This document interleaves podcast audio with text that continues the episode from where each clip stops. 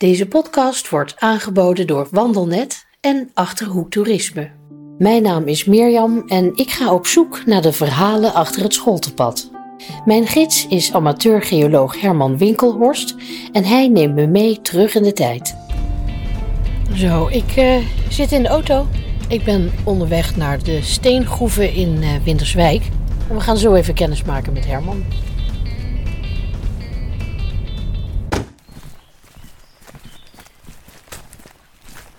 Herman, wat is dit voor een plek? We zijn hier bij de steengroeven in Winterswijk, achter in Ratem. En we kijken hier uit op een groeve waar eh, een, een graafmachine staat. Die eh, haalt kalk uit de grond, die wordt achter in die fabriek verwerkt tot een poeier. En die poeier wordt weer vooral gebruikt in de SOAP, het zeer open asfalt.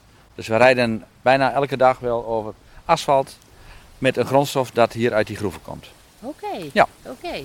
Vertel me, hoe is die groeve hier ontstaan en eh, wat is het verhaal erachter? De vorige eeuw hebben ze eh, die kalklagen hier ontdekt. Ze dachten eerst dat die uit een heel ander tijdvak kwamen. Uiteindelijk zijn ze erachter gekomen dat die eh, lagen die hier aan de oppervlakte komen uit de Trias komen. En uiteindelijk was er een of andere eh, leraar die kwam erachter dat er magnesium in zat. En die magnesium die wordt nu gebruikt als landbouwkalk om de grond te ontzuren. Die groeve heeft ook verschillende eigenaren gehad. En nu is dat Sibelco, een hele grote firma die wereldwijd heel veel eh groeves heeft. En ehm, die ontwikkelen ook steeds meer eh, toepassingen voor deze kalk. Toepassingen in beton. Toch nog even terug naar die groeve zelf.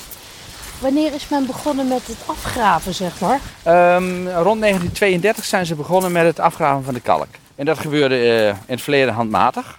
Met kiepkarretjes eh, werd het afgegraven en naar boven gebracht, naar de fabriek. Ik zag op een gegeven moment ergens bij een rotonde zo'n kiepkarretje staan. Kan dat Ja, kloppen? dat klopt. Dat is eh, richting Winterswijk, die eerste rotonde die je tegenkomt. Daar staat een kiepkarretje. Ja, precies. Ja, dus klopt. daar deden ze dat mee. Ja, daar deden ze dat mee. Ja, dat kun je niet voorstellen, hè? Dus. Ja, en nu met een grote graafmachine.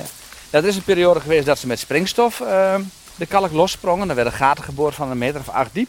Ja. Daar ging springstof in. En dat was een spectaculair gezicht, want de toeter ging. En eh, een paar tellen later vloog die kalk de lucht in. Ja. Ja, echt mooi. Nee. En nu doen ze alles met een eh, graafmachine. ja.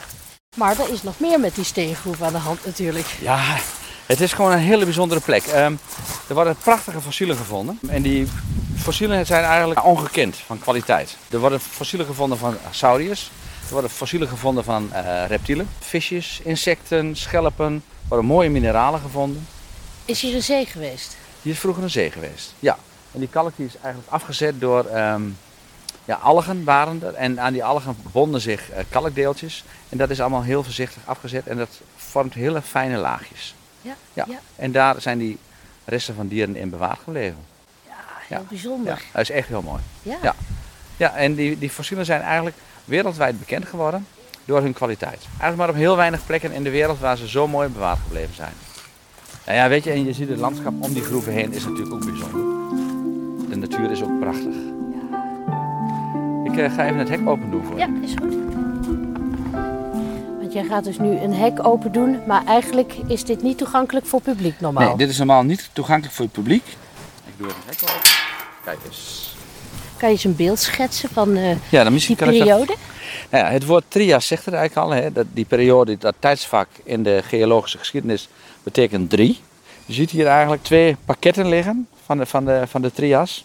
Ja. Dat is de moeselkalk en dat is het Retsien. En daartussen zitten miljoenen jaren. Wat wij dan doen als wij hier gaan zoeken, ehm, dat grijze, dat ziet er nu uit als één grijze massa, eh, is opgebouwd uit verschillende lagen. En als je goed kijkt kun je het ook zien. Kijk, je ziet daar in die hoek, ja, ja. daar, in die hoek daar zie je wat, wat lichtere lagen zitten. Die zijn harde eh, dolomietlagen. En je ziet daar onderin zie je een, moet een dunne rode band lopen. Die zit daar in de vloer. Hm? En zo zijn, zijn er allerlei, allerlei herkenbare punten die eh, wij weer gebruiken om te kijken van hé, hey, waar zitten we nu in die, in die groeven? Precies. En ehm, welke laag zit hier dan in de buurt waar wij fossielen kunnen zoeken? Ja. En heel bekend is bijvoorbeeld de laag 9, waar heel veel eh, botmateriaal uitkomt van sauriërs. En eh, daar richten zich dan ook heel veel mensen op. En die zit dan 80 centimeter onder die rode band. Dus heel veel mensen richten zich op die rode band en gaan dan 80 centimeter naar beneden om te gaan zoeken. En als je dan bedenkt dat dit 246 miljoen jaar oud is ongeveer. Ja, dit is echt heel oud. Ja, ongelooflijk. Eh, we hebben het heel vaak over het uitsterven van die dino. Dat spreekt natuurlijk tot de verbeelding. Maar wat net hiervoor gebeurde, zo'n 2 miljoen jaar hiervoor, is vele malen, vele malen erger geweest. En toen is 95% van alle soorten is toen vernietigd, is toen gestorven. En deze groeven maakt het ook heel bijzonder, omdat er hier heel veel experimenten van de natuur geweest zijn. Daarom vinden we hier ook nieuwe soorten die eh, aan het experimenteren zijn geweest in die periode en eh, die op andere plekken niet bewaard zijn gebleven, maar hier wel.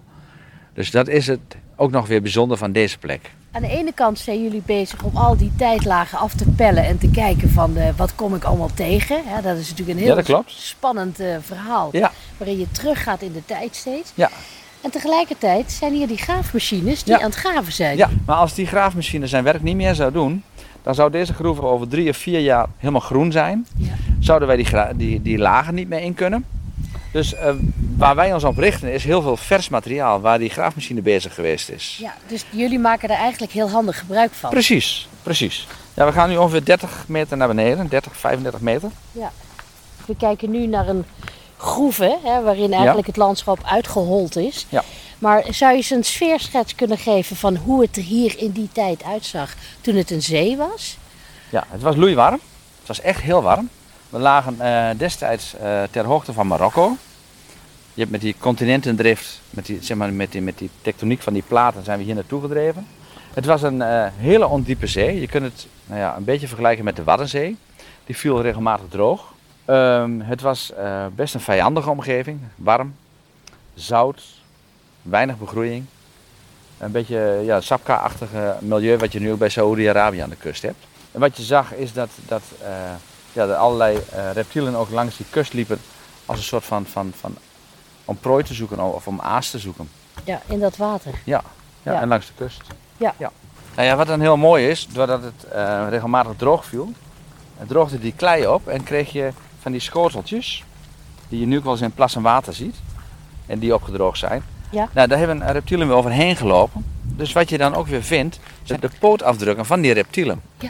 En soms zo mooi dat je de schubben van die poten van die reptielen, van die hagedissen nog kunt zien. Zo gedetailleerd nog. Zo gedetailleerd nog, ja. En we hebben één soort die heeft zelfs zo af en toe een sleepspoor van zijn staart tussen die pootafdrukken. Dat zie je ook nog. Ja, ja dat is echt super. Dat is echt super. Ja.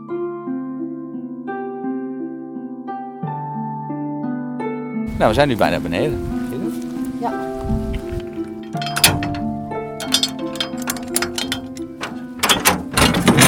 Zo. Nou, dat is een Oh, beste deur. De lampen voor je aandoen.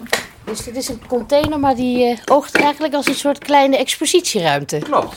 De eerste vitrine is een vitrine met mineralen. Ik zal hem even open doen. Kijk, we hebben hier Celestine. Die kan ik wel vasthouden. Dus dit is een, eh, een steen die van binnen eigenlijk een soort kristallen heeft. Ja, klopt. Een, een soort van geode. En als je soms heel goed kijkt, er zitten witte puntjes op. Dat is dan strontium. En wat is dat? Een strontium is een, is een element. En dit mineraal is een, een, een strontium mineraal. Dit wordt ook gebruikt in vuurwerk. En dat geeft dan een rode vlam aan vuurwerk. Nou, we hebben ehm, de piriet, waar heel veel mensen voor komen. Ja, dit is echt een, eh, een stuk steen. Dat ziet er van buiten heel klei door Ja. uit. En dan van binnen heb je daar al die schitteringen, gouden Ja. kleurtje. Ja, je ziet heel, heel mooi die kristallen ook weer van de piriet. Ja, Nou, we hebben hier een galeniet. Galeniet is een loodkristal.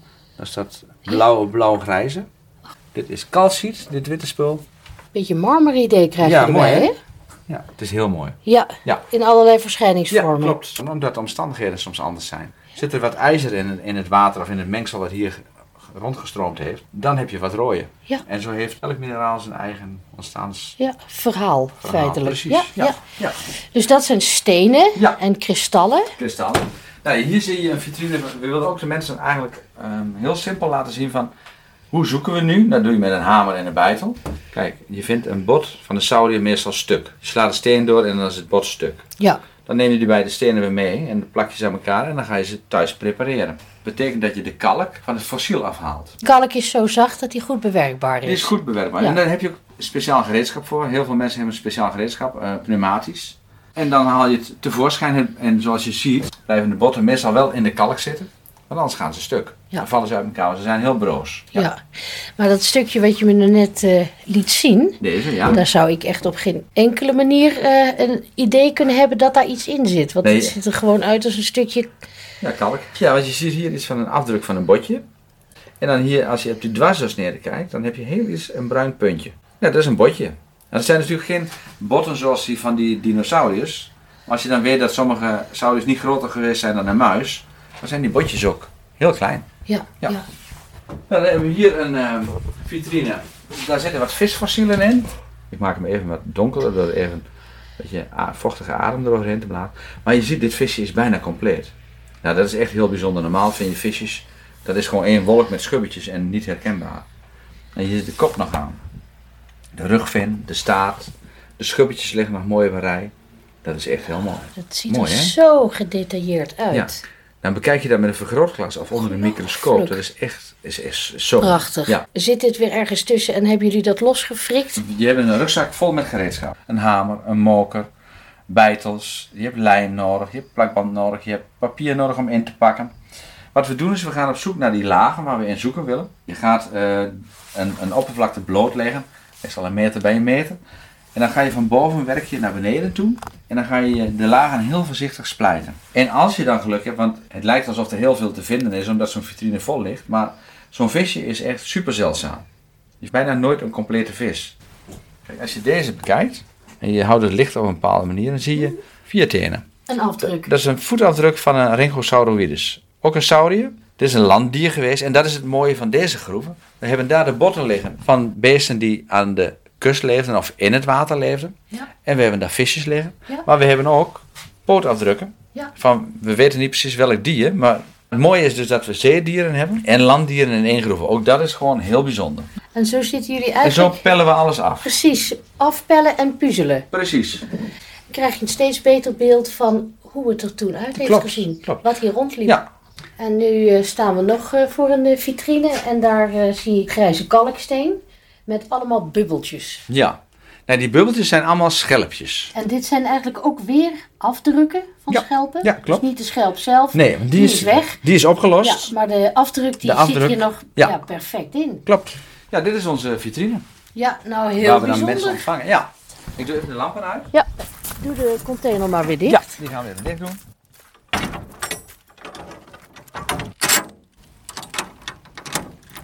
Zo, die zit op slot. Oké, sounds like a complete story, toch? Ik wil wel, voordat we de klim naar boven gaan maken, nog Ja. even iets horen over die oehoe.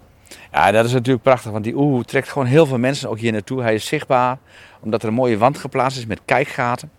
En ehm, zeker in de tijd dat hij begint te broeden in het voorjaar, en hij heeft jongen en ze zijn goed zichtbaar, zijn er heel veel mensen die daarvan kunnen genieten. Dus ja, ik vind dit een prachtplek, waar heel veel mensen gewoon hun plezier uithalen en ehm, van genieten. En wetenschappelijk gezien is dit ook een hele belangrijke plek.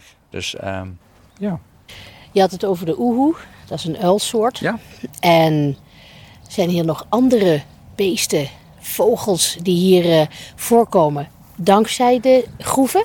Nou ja, ehm, er zijn hier, eh, de natuur hier is eh, best heel bijzonder. Maar het komt niet door de groeven, maar wel door de kalk die in de grond zit. Je hebt hier bijvoorbeeld het natuurgebied De Wilde Weust. Daar groeien heel veel bijzondere orchideeën en andere planten. En ehm, dat komt door die kalk in de grond. En je ziet ook in het gebied rond de steengroeven verder wel...